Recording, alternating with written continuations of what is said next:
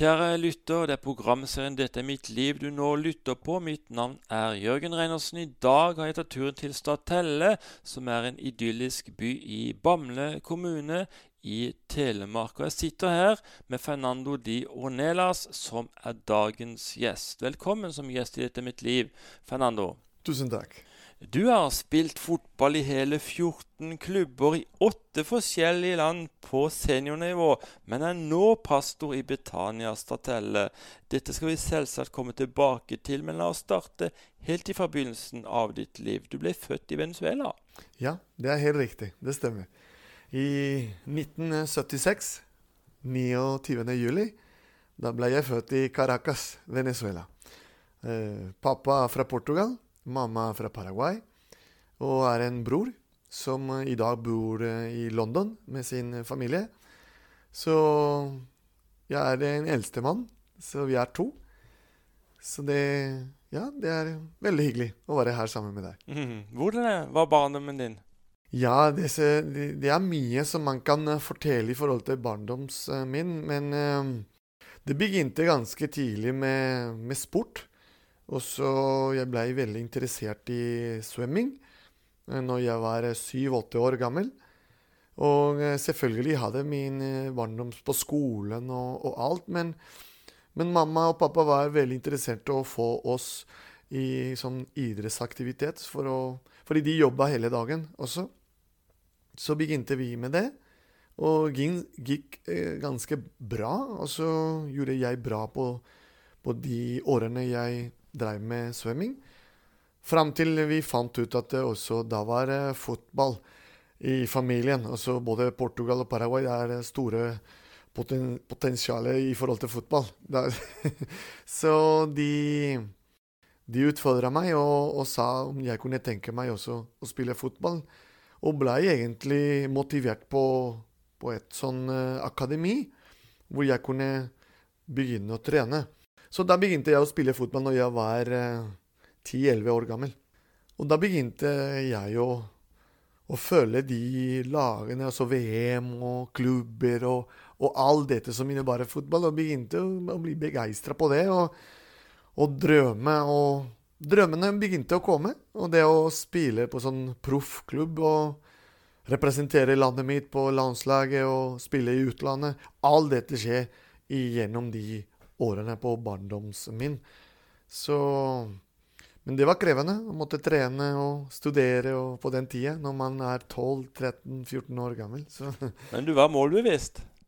Ja, altså egentlig Jeg visste ikke om det, men Men nå husker jeg at jeg var frimodig på den tida og sa til mine venner at en dag kommer jeg til å til å komme og spille for landslaget, og de begynte bare å tulle med meg. og på den tida vi skjønte ikke mobbing. Men uh, egentlig, i dag, så skjønte jeg at ja, de begynte å kalle meg Nei, du bare drømmer. Det, det kommer du ikke til å klare det. Så det er altfor høyt uh, mål. Og, fordi vi er et land som er 30 millioner. Så det, det er ikke lite land. Det er mange gode fotballspillere. Men tiden uh, gikk, og og jeg klarte det, så Disses ord ble til skamme. Ja, helt riktig. du må fortelle hvor starter karrieren. Ja, altså når jeg ble 17 år gammel, da var jeg på veien til å avslutte skole, på en måte videregående og sånn. Og eh, allerede fikk jeg muligheter til å spille for et klubb som heter Maritimo. Som er et proffklubb klubb, men jeg hadde som sin akademi og under, altså gutter 20, altså under 20 år. Da spilte vi og vant hele nasjonal, som det heter her, som krets eller interkrets, eller som det heter her i Norge. Og na på nasjonalnivå så vant vi hele. Og da fikk oppmerksomheten laget vårt, og, og nemlig han som var hovedtrener på A-laget i den klubben, og så kalte tre av de av det laget, og blant de var meg. Og så når jeg var 19, og så begynte jeg å trene på den A-laget. Og når jeg var 19, fikk jeg mulighet til å debutere proff i Venezuela. Jeg var 90, 19 år gammel. Og da gikk ganske fort, og så begynte å spille proff og forskjellige kamper. Fikk jeg med allerede på den ung alder. Og så døren begynte å åpne seg. Det var en uh, trener fra Uruguay som var trener i, på A-laget i Maritimo. Så etter det årene gikk, og så begynte jeg å bli sett fra andre klubber, og signerte med de i Venezuela. Fram til jeg var 2023, tror jeg. Da fikk jeg den første mulighet i utlandet. Men i denne perioden her også så ble det en del drikking og, og festing. Eh, hvordan forma det karrieren din? Også jeg var en gutt eh, som likte veldig mye fest, alkohol, og eh, røykte mye og på den tida. Det var det på en måte som jeg vokste opp i forhold til fotballmiljø. Det er det som i de fleste, i dag også, eh, man opplever det. Det er sånn de spesielle som har ikke noe familie, altså bor aleine.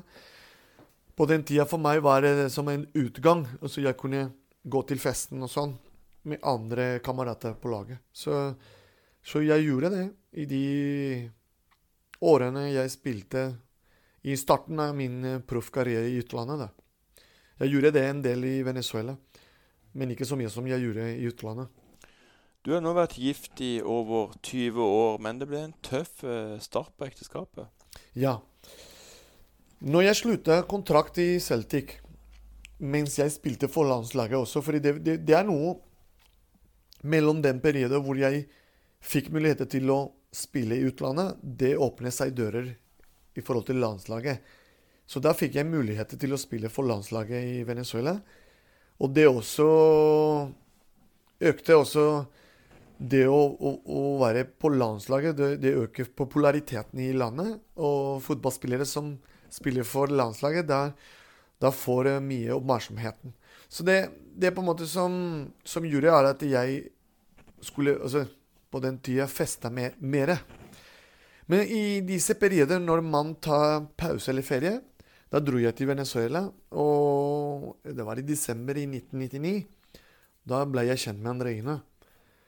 Og da var det sånn ja, et møte hvor vi likte veldig godt, begge to. Og jeg husker veldig godt at når jeg sa i starten av år 2000, sa jeg til henne at jeg skulle tilbake til Hongkong. For jeg fikk jeg en tilbud igjen til å spille der. Og jeg hadde lyst til å ha med meg Andreina, men hun sa veldig tydelig og konkrete. Hun var bestemt. At hvis jeg hadde tenkt å ha med henne, det var en eneste mulighet, og det er å gifte oss. Hun kunne ikke gå ut av huset sitt uten å gifte seg. Da sa jeg med en gang OK, men la oss bli gift, altså. Og så hun sa ja, og da gifter vi oss. Vi hadde bare ett forhold gjennom telefon mens jeg var i Celtic. Og når jeg kom til Venezuela for å ha ferie, da møtte vi fysisk. Så vi ble ikke kjent veldig godt. Men etter vi gifta oss, og så flytta vi hverandre, da begynte vi å bli kjent. Og da var det på godt og vondt. Det var veldig sånn sjokk for oss å plutselig bo sammen. Og hver dag se hverandre. Og bli Altså Minner av min fortid og hennes fortid det var grunnen at det begynte vi å krangle hverandre og diskutere. Sjalusi var inne i bildet. Vi fra Sør-Amerika, når man er sjalu, det er nesten farlig å si. Det, det er veldig annerledes som er her i Norge. Så, så når vi begynte å diskutere, da økte den sånn turbulent tida blant oss i vår eterskap, også til en viss punkt at eh, når vi bodde i Hongkong, så det var såpass mye krangling at hun bestemte seg til å komme tilbake alene til Venezuela, for hun orker ikke mer krangling i hjemmet. Og når hun bestemte seg det, og så Hun gikk ut for å bytte dato på fly returflybillett, og så Da tenkte jeg hva som skjer i livet mitt når hun går tilbake. hva som skjer med eteskapet mitt.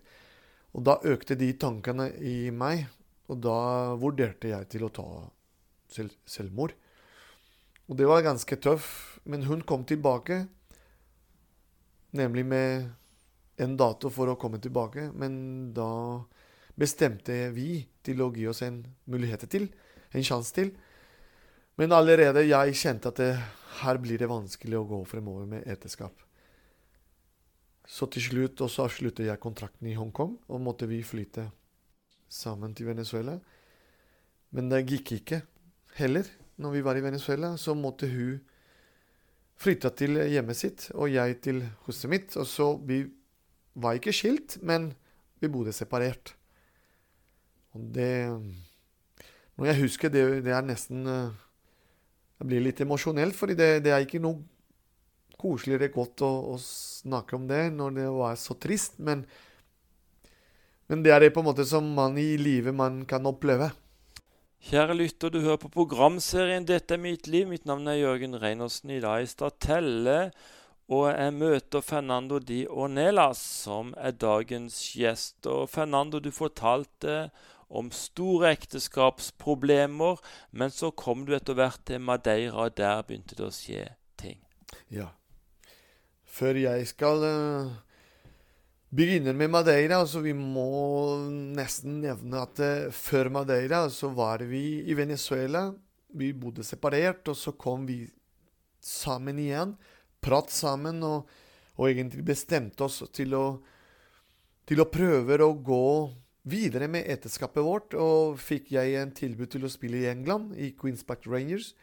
Og da var det kort periode, et par måneder, tror jeg det var sånn tre måneder, før kom Maritimo Funchal i Madeira. Tilbud på bordet. Så bestemte vi oss til å reise bort til Madeira sammen, og begynte vårt liv i Madeira, egentlig hjemmelandet til pappaen min. Det er der hvor pappaen min ble født, i Madeira, Portugal. Så det var veldig spesielt. Både for pappa og for meg. Og Da begynte vi vårt liv i Madeira, og begynte jeg å spille for den klubben. Til slutt av det året, og så jeg signerte for et år, og da måtte vi spille en eh, sånn turnering i Sevilla, Spania, hvor jeg egentlig skulle ha en mulighet til å vise meg til den eh, trener som på en måte skulle bygge opp nytt lag for neste sesong. Og de sa til meg ok, det er avgjørende at du spiller veldig bra på den eh, turné, turnering i Sevilla, så vurderer vi etterpå om du skal gå for nye kontrakt eller ikke. Så på den reisen reisa, altså fra Madeira til Sevilla, kjøpte jeg en bok. En biografi av en kjent fotballspiller fra Brasil som heter Jardel som forteller litt om livet sitt. Altså, dette er en, egentlig en, biografi, en sekular uh, biogra mann som på en måte fortalte sitt liv historie. Og her er veldig interessant. Jeg leste, mens jeg leste kapitler som, som på en måte var viktig for hans liv. Altså, jeg så meg selv i hans liv. Måte han levde og drev med alkohol og fest. og og møtt Vegen mange ganger i fotball sitt karriere, skade og sånn. Men plutselig kom til jeg en kapittel hvor han forteller om at han hørte om Jesus, blant annet. Og det fikk oppmerksomheten min. Og det var så voldsom, den forvandling som han forteller i, i den boka, som at Jesus kom i hans liv, og han ga sitt liv til han. Og ikke bare han, men familie, kone. og, og det ble en endring fullstendig. Og da ble jeg Wow! Dette har jeg ikke hørt før. Selv om jeg vokste opp i en katolikk familie hvor jeg hadde hørt om Gud, jeg hadde hørt om Jesus og hele pakka, men, men jeg hadde ikke et forhold eller et, en levende relasjon som han fortalte i den boka. Og det vekte også den oppmerksomheten. Og jeg måtte spørre når jeg var i sivile, på, de, på de, disse kamerater, som noen av de kjente en fotballspiller som var på laget, som var som han som jeg leste på boka. Altså som kristen eller evangelisk eller jeg vet ikke. Men jeg nevnte Er det noen her på laget som kjenner Jesus som han? Så de sa ja, det er én. Det er én som, som, som, på en måte er sammen som han. Og det er Paulus Sergio. Og jeg kjente Å, men Paulus Sergio, han er, han er sammen med meg og deler rommet på hotell. Så da gikk, jeg tok jeg heisen også opp til rommet, og da fant jeg Paulus Sergio med Bibelen åpen. Og da begynte jeg å spørre spørsmål. Det er nesten som en uh, geværmaskin. Jeg begynte bare bombarderte han i forhold til OK, nå må du forklare meg. Hvordan kan være mulig å ha en levende relasjon med han Jesus som er i Bibelen? Og Da begynte han å forklare meg på sin måte eh, om Jesus i Bibelen og, og alt som innebærer det. Og mens han fortalte meg Det var veldig morsomt. Dette må jeg nesten fortelle, fordi jeg satt med sånn sigarett, og så begynte å røyke, og spurte han går det bra hvis jeg røyker, men du forteller meg hva, altså hva Jesus er, og hvem han er. Og han sier nei, det, det går bra. altså du, du, kan gjøre det, men en ting jeg, jeg kan fortelle deg, er at eh, Gud kommer til å bli lei og så trist. Å, spurte jeg òg. Hvordan da? Ja, du skjønner at du er en skap... Altså, Gud skapte deg. Og når du sjøl ødelegger hans skapning, da blir han trist. Og det var en måte som jeg aldri hadde hørt før. Og jeg der og da, i den øyeblikket, sa OK, nå skal jeg slutte og ikke gjør Gud trist. Og da må han hjelpe meg til å slutte å røyke. Det var så enkelt. Og jeg må si at etter den dagen, når jeg sa den eh, Jeg visste ikke hva jeg sa egentlig, hvor, hvor, hvor mektig var den, den proklamasjonen jeg gjorde.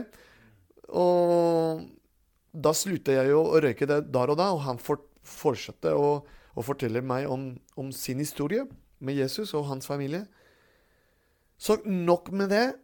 Og så Turnering var ferdig, og så dro vi til, til Madeira. Men i, imellom landet også Jeg måtte ringe Andrine og sa Andrine, nå har jeg hørt om Jesus hvor vi to har ikke hørt før.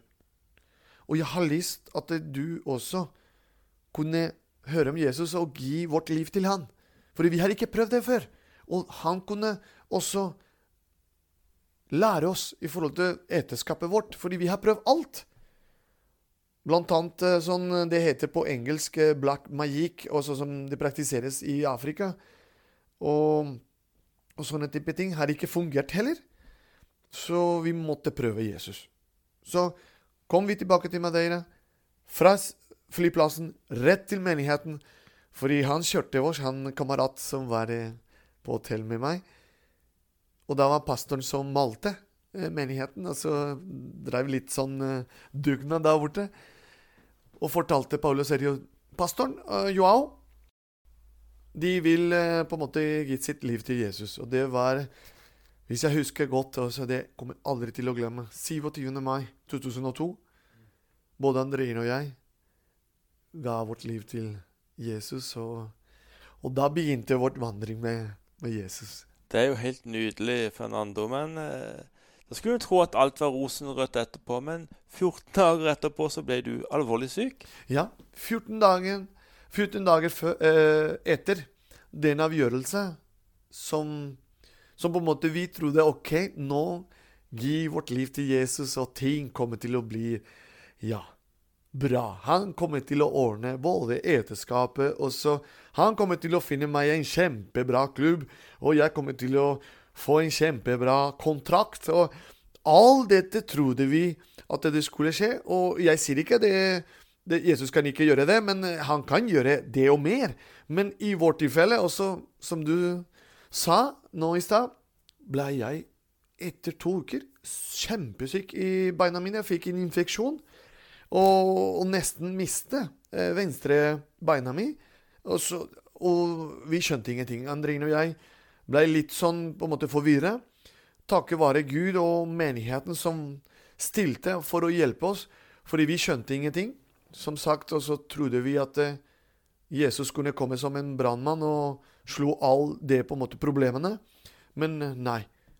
Da var det i vårt tilfelle en helt annen eh, måte Gud skulle lære oss i forhold til hans veien. Er uransakelig. Og, og, det som gjør en forskjell i sånne typer situasjoner, er at før hadde vi ikke han med, men nå ha, her hadde vi han med i hele situasjonen. Og det er en stor forskjell. Da kommer den fred som overgår all forstand, som står i, i Hans ord, inn i våre liv. Og vi kunne takle den situasjonen sammen med han og med våre søsken i menigheten. Så det, det hjelper oss mye. Og det er ikke bare det, men også gjeteskapet. Også begynte vi å se på en helt annen perspektiv. På den perspektiv som Gud har lært oss i sitt ord. Så vi, vi vandrer på det nå fremdeles, og vi fortsetter å lære om det fremdeles. Hvordan merka lagkameratene dine at du hadde starta et nytt liv? Ja, hvordan da? Det, det, var veldig sånn spesielt og morsomt, hvis jeg kan si det på den måten. Fordi når jeg gikk tilbake til landslaget, da fant de en helt annen Fernando. Hæ. De trodde at uh, den Fernando som kom, var den samme Fernando som fremdeles skulle feste og drikke og røyke og fine ja, dammer og, og, alt. Men nei, da kom Fernando med ane verdier og prinsipper i livet. Og da måtte jeg leve etter det. Så det, jeg sier ikke jeg gikk rundt med Bibelen og slo alle sammen. Jeg gjorde ikke det. Men måte jeg på en måte Der og da Gud brukte meg, i, i den tilfellet med landslaget, var at eh, med handlingene Det på en måte jeg sa til de at de verdiene jeg har begynt å lære, var mye verdt av det på en måte jeg levde før, og ga meg mer. Og så det å se kona mi på en helt annen måte som jeg så henne før, respekterte henne som hun fortjente, som min kone. Og, og det slo hardt for, de, for dem. Og fikk egentlig mobbing. Altså mange av de sa at jeg begynte med en sekt, og jeg skulle ikke eh, på en måte komme med den sekten inn i landslaget. Men, men, det er sånne type ting som på en måte vi måtte gå igjennom. Og så når jeg leste mer og mer om Jesus sitt liv Han måtte gi, gikk gjennom det også. Så, og disiplene. Så det er noe som på en måte former karakter i oss. Etter en viss periode i landslaget så de begynte å se frukten i livet. Og da begynte de å spørre. Og der, der fikk jeg muligheter til å fortelle mer om den Jesus som vi følger. Du fikk mange gode samtaler? Mange gode samtaler. På godt og vondt. Fordi det er noen som gikk på festen, og noen valgte til å komme på rommet på hotellet hvor jeg var. Og fikk jeg vitne. For jeg tror i den tida vitnesbyrd var så såpass sterk i, blant oss, fordi de så den forandring som skjedde i meg. Så den Fernando som plan, plan, planlegde festen etter kampen, kom en Fernando som kunne drikke juss, cola og ha en skikkelig samtale om verdiene og prinsipper. Hvordan man kunne leve og respektere kona si og familie og elske sine som er rundt dem, det er noe annet. Også. Hvordan var det da på komme ut på banen som en kristen? Var det uaktuelt å filme? ja, blant annet. Ja. Det, det, er det de prinsippene og verdiene man har. Og, og det å føle eh, Jesus med glede, ikke med tvang. Og ikke som en Som jeg sier det ofte med mine venner, også religion og relasjon, det, og relasjon, det er to forskjellige verden. Også, påbud også, det å ikke lov, ikke lov, ikke lov. Men det å leve etter det på en måte Jesus har lært deg med glede, det er to forskjellige verden. Og det er det på en måte jeg bestemte meg. Ok, nå har jeg valgt til å følge han, og han skulle vært med meg, så han skulle hjelpe meg i disse tingene som er vanskelig i fotballverden. Blant annet det å filme, blant annet det å akseptere tap også når man taper kamper. Det å, å gå i den dilemmaet Ok, nå skal jeg be for laget mitt for å vinne. når kanskje har andre kristne på det andre laget som ber på samme måte som jeg, da blir det som en uh, luksusproblem for Gud. Ok, hvilken lag skal vinne? Og da er det den visdom som, som Gud uh, lærte oss. La din vilje skje. Og da legger vi oss flatt. Og så ber vi for hverandre at det blir ikke noe skading blant de 22 som spiller. Mm. Jeg tror det er nøkkel. Og det utfører mange av oss. Alle sammen. Når du ber at eh, Ja, la din vilje skje. Ok, hva betyr det? Vil du at vi skal ikke vinne? Jo, vi skal spille for å vinne. Men det bestemmer ikke jeg om vi skal vinne eller taper. Og, eh, eller det andre laget. Det er de lagene som forbereder seg best, jobber hardt for det. Og, og det å be til Gud Jeg syns det å vinne og tape, det er urelevant. Jeg tror det er best at de lagene som spiller, beskytter hverandre. Jeg ber rett og slett konkret at Gud skal gi oss den beskyttelse. At ingen blir skadet alvorlig. Det er det jeg er opptatt av. Og så den sida, det og hvem som skal vinne og hvem som skal tape, det tror jeg det er mellom de to lagene som spiller. For da har det vært viktig å være åpen om din tro. Hvorfor det? Det å være takknemlig tror jeg er nøkkelord. Hvert fall i mitt, mitt liv. Det å, å vise den takknemligheten til folk som er rundt meg. Og det sprer glede. Det, det sprer takknemligheten. Og da, da kjenner jeg til folk blir nysgjerrig. At hvorfor er jeg så, så takknemlig?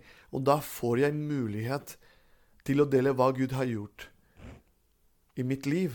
Og når jeg sier mitt liv, det innebærer familie, hverdagen, jobb. Alt. Og det gjør at det blir viktigere og viktigere og viktigere. Mer og mer. Men jeg sier ikke at jeg skal gå inn i dette med, med Jesus og Gud stadig alt først. Men det å bygge en relasjon med den personen først, og ha tilliten av den personen, det er utrolig viktig. Og det lærer jeg gjennom hvordan Jesus gjorde det i sin tid. Og så Han valgte tolv uten å bli kjent med de. Han visste hvem de var, men de andre visste ikke det. Og det å vandre med de tre år, bli kjent med de, skape den tilliten, den sosialt biten, det å spise sammen med de, det å vandre og gå på tur med de. Og det innebærer mitt liv også, på andre måter. I min tilfelle på når jeg spilte aktiv fotball. Det å være på trening. Det å på en måte Når ting skjedde ikke som vi ville, da kunne jeg komme med et ord, et hoppord. Nei, vet du hva? Vi kommer sammen, og i morgen blir det en helt annen dag. Og da blir det en helt annen tone blant oss i garderoben. Jeg husker at en av de på en måte historier jeg kan fortelle, var at eh, vi skulle spille, eller ja. Og da sa treneren OK, nå skal vi ha en, en dommer som er rettferdig. Du, Fernando. Du som på en måte er sånn uh, Du lyver ikke. Du banner ikke. Du kan være dommer. Jeg har ikke sagt noe. Jeg hadde ikke sagt at dere må velge meg fordi jeg er sånn på en måte kristne. Nei, de så det i hverdagen. Og det kom som på en måte en selvfølge. Og da sa jeg ingenting. Jeg sa OK, men husk at jeg kan gjøre feil. På samme måte som dere kan gjøre, for jeg er mennesker. Det å være kristne, det gjør ikke at du skal ikke gjøre noe feil. Du skal fremdeles gjøre feil. Men hvordan du håndterer det, hvordan du løser det, det er en forskjell. At du lærer av de feilene du gjør, gjennom hvordan Gud hjelper deg til å reise deg opp, og lære av det. Det er en stor forskjell. Og da De bare lo av meg, skjønner du. Så, så det er ting som eh, Når de banna f.eks. i garderoben 'Å, unnskyld, Fernando. Unnskyld.' Men jeg har ikke sagt noe. Så, men det er hyggelig at de blir huska. Mm. Og det betyr at du har lyst. Du har salt der hvor du er, som Jesus har sagt. Dere er verdens lys. Så mm. Du har jo flere år spilt i eh, fotballklubben Odd, eh, og der fikk du kalle navnet Pastor Nelas. Ja, og det sier jeg igjen altså Det sier jeg ingenting om til uh, Odd-supportere. Så det var veldig hyggelig når de begynte å skrike og hylle på kampene 'Pastor Nelas! Pastor Nelas!' Og jeg bare tenker Hva de synger nå? Hva de holder på? Og det var helt veldig hyggelig, men jeg var overraska at de kalte meg Pastor Nelas. Men de kalte meg Pastor Nelas fordi de så hvordan jeg på en måte Intervjuet gjorde jeg med avisene og, og sosiale medier. Og etter mål og så takker jeg Gud hele veien. Og sammen med kameratene mine. Så det var veldig, veldig sånn hyggelig. Og på slutten av karrieren i Odd, på den dagen jeg fikk som på en måte eh, siste kamp, da fikk jeg se en svær eh, beskjed fra supporterne som sa 'takk for alt, Fernando'. 'Bless you' på engelsk. Det er stort. Da gråt jeg som et barn, vet du. Så, for jeg så frukten av de nesten fire år jeg har vært i Odd. Så nydelig. Ja, det var stort. Aha. mm. Kjære lytter, du hører på programserien 'Dette er mitt liv'. I dag er jeg på Statelle og møter Fernando Dionelas, som er dagens gjest, og som er pastor her i Betania. Og eh, du må fortelle litt. Hvordan åpna Gud den døra til at du skulle bli pastor? Når jeg spilte for Odd, og så Mens jeg spilte da Gud åpnet dører i menighetene i Skien. Fordi de fikk vite at eh, jeg var kristne, og, og ja, blant annet mange av de var på kampen og så at jeg bare pekte til himmelen og takket Gud for det. Så åpnet seg muligheter til å Blant annet blant ungdommene på ungdomsmøtene og på søndagsmøtene fikk jeg noen minutter til å fortelle betydning Jesus har i mitt liv. Så etter de årene jeg gikk, og så fikk jeg mulighet til å preke. Av og til på sånn uh, latinamerikansk menighet som var i Skien. På spansk. Og en av de søndagene kom en av de journalister, som er i Skien, blant annet fra verden. Og han satt der og hørte meg og det på spansk. Og så spurte han på slutten av møtet når møtet var ferdig, så sier han Hva er det på en måte du tenker på etter du har sluttet som fotballspiller? Skal du være pastor? Eller er det dette du har lyst til? Eller gleder du deg til? Og jeg sa, vet du hva, altså Det å være pastor, det er ikke bare bare. Altså det, det, det må være sånn en lidenskap som fødes innenfra. Og det er et kall. Altså det, dette er ikke som jeg velger å være pastor og sånn. Eh, det innebærer også å studere Bibelen og, og, alt det. Men ja, hvorfor ikke, sa jeg. Og så la, la Gud også vise mens tida går. Og så dagen altså Det var på en søndag, som sagt. Og på mandag kom på over... Altså skriften på første sidelinje i, i og jeg har det her på kontoret. Fernando blir pastor. Og den er Den ble publisert 1. juli i 2006. Og det er veldig interessant. Derfor henger den i kontoret mitt. For det minner meg det på en måte som jeg sa den dagen. Og det står veldig tydelig 'Fernando blir pastor', og bak meg, det står skriften eh, Johannes 14,6, 'Jesus er veien, sannheten og livet', på spansk. Og ja, tida, tida gikk, og så flytta vi til Venezuela, og så flyttet vi tilbake til Norge. Og, og når vi flytta tilbake til Norge, så begynte jeg å jobbe i barnehage som barnehageassistent. Og så tenk, også dette å bli pastor var ikke der og da. Så jobba der i barnehage som assistent tre år. Lærte meg å snakke norsk i den tida, som jeg fortsatte å lære. Og eh, ja, altså etter de tre årene fikk jeg et møte med en mann som heter Gisle Lunde i Skien, som hørte meg å preke på engelsk. Men den dagen som var nesten uh, gullfellig, ikke tilfeldig, men uh, jeg kaller det guttfellig, så han var der. Og den dagen, den søndagen, bestemte jeg meg til å ta det på norsk. Og han hørte meg.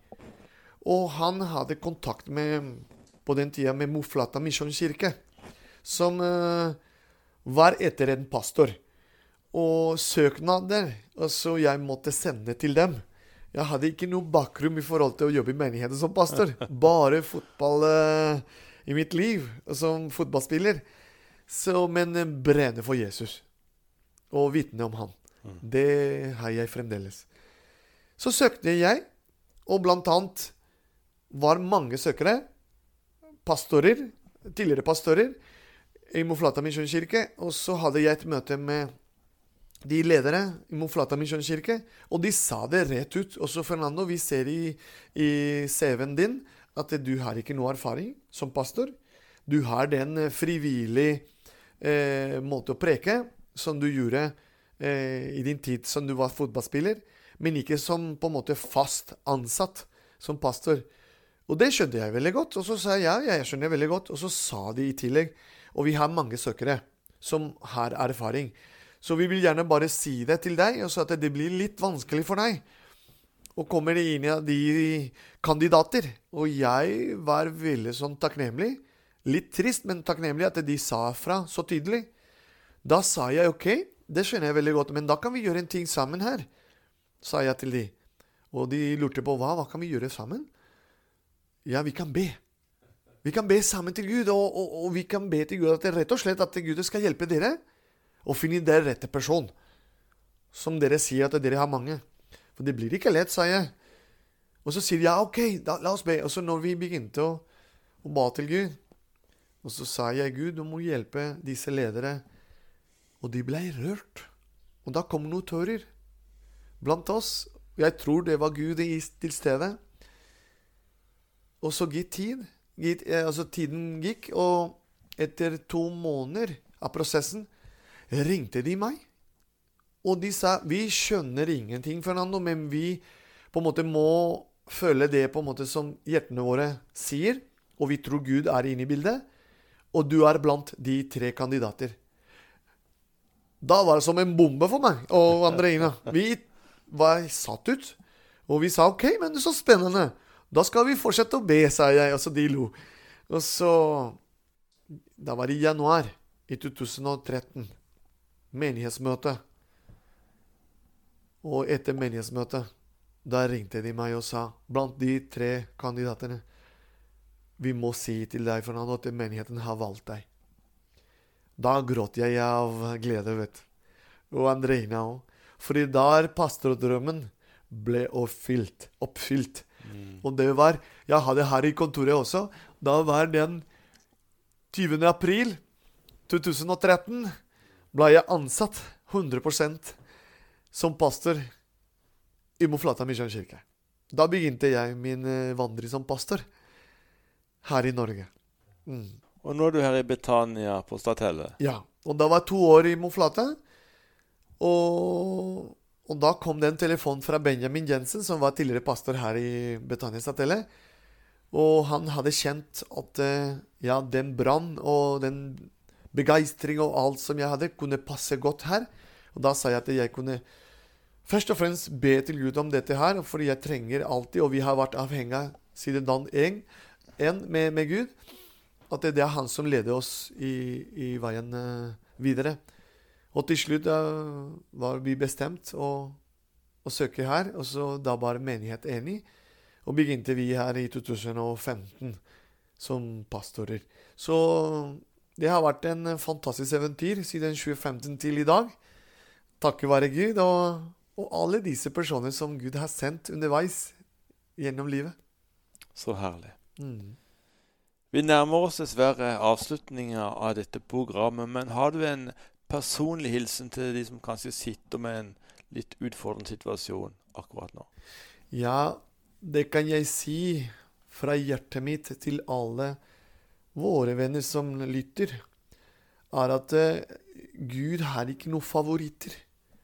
Han har barn. Og det er det på en måte jeg vil oppmuntre alle. At du har en pappa som bryr seg. En pappa som ser deg akkurat som du er. Han ser deg i den situasjonen du sitter i, og han vil at du skal forstå og skjønne at han er til stede, selv om du kan ikke se han, eller høre han, eller kjenne han. Han er til stede blant sin ånd, også Den hellige ånd, og sitt ord. Vi kan lytte til han, vi kan stole på han. Han har sagt det. 'Jeg er med dere alle dager inntil verdens ende'. Og han sier 'Jeg er med dere'. Alle oss som tror på Jesus Kristus som vår frelse. Det er alfa og mega. Så jeg oppmuntrer alle lyttere til å stole på Gud og vente at Gud har en tid for alt. Mist ikke motet. Vær frimodig. Gud velsigne alle våre venner. Vil du også be en bønn for dem? Ja, gjerne det. Kjære Far i himmelen, vi priser og lover ditt navn, Jesus, og takker deg for alle som lytter, alle som sitter i spesielle situasjoner, vanskelige situasjoner, kanskje situasjoner som har mistet kontroll og alt. Vi ber også for alle disse som opplever et nytt liv. Vi ber for alle situasjoner, Herre, at du skal hjelpe og troste, styrke, Herre, alle personer som lytter. Det ber vi om i Jesu navn. Amen. Fernando Di Onelas, hjertelig tusen takk for du takker ja til å være gjest i dette mitt liv. Må Gud rikelig velsigne deg, din familie og ditt virke i årene fremover. Bare hyggelig. Kjære lytter. Nå vil jeg gjerne be en bønn sammen med deg som ønsker å invitere Jesus inn i ditt hjerte. Det er nemlig slik at Gud elsker deg så høyt at han sendte sin egen sønn til verden for at du skulle bli reddet for evigheten og ikke gå fortapt. Som du ønsker det, kan du be denne bønnen etter meg. Jesus, jeg kommer til deg nå slik som jeg er. Tilgi meg for mine synder. Jeg tar imot deg som min Herre og Frelser i livet. Takk at jeg nå er ditt barn, Gud, fordi ditt ord sier det. Vi vil veldig gjerne komme i kontakt med deg som ba denne bønnen, slik at vi kan sende deg et gratis nyttestamentet, sammen med litt annen litteratur. Du kan kontakte meg, Jørgen Reinersen, på Facebook, eller så finner du kontaktinfo på vår hjemmeside 9010.no. Dette staves slik nitti 10.no. Her er også tidligere programmer i denne serien, samt en del videoopptak fra våre arrangementer. Neste uke er vi igjen på denne kanalen på samme dag og på samme tid. Og da er det jo veldig flott om du inviterer noen venner eller bekjente til å lytte sammen med deg. Vi tror det kan bli mange gode og viktige samtaler etter disse programmene. Husk, kjære lytter, du er høyt elsket, du er verdifull, du er unik, det finnes bare én som deg. Vi takker for i dag og ønsker deg det beste av alt, Guds velsignelse.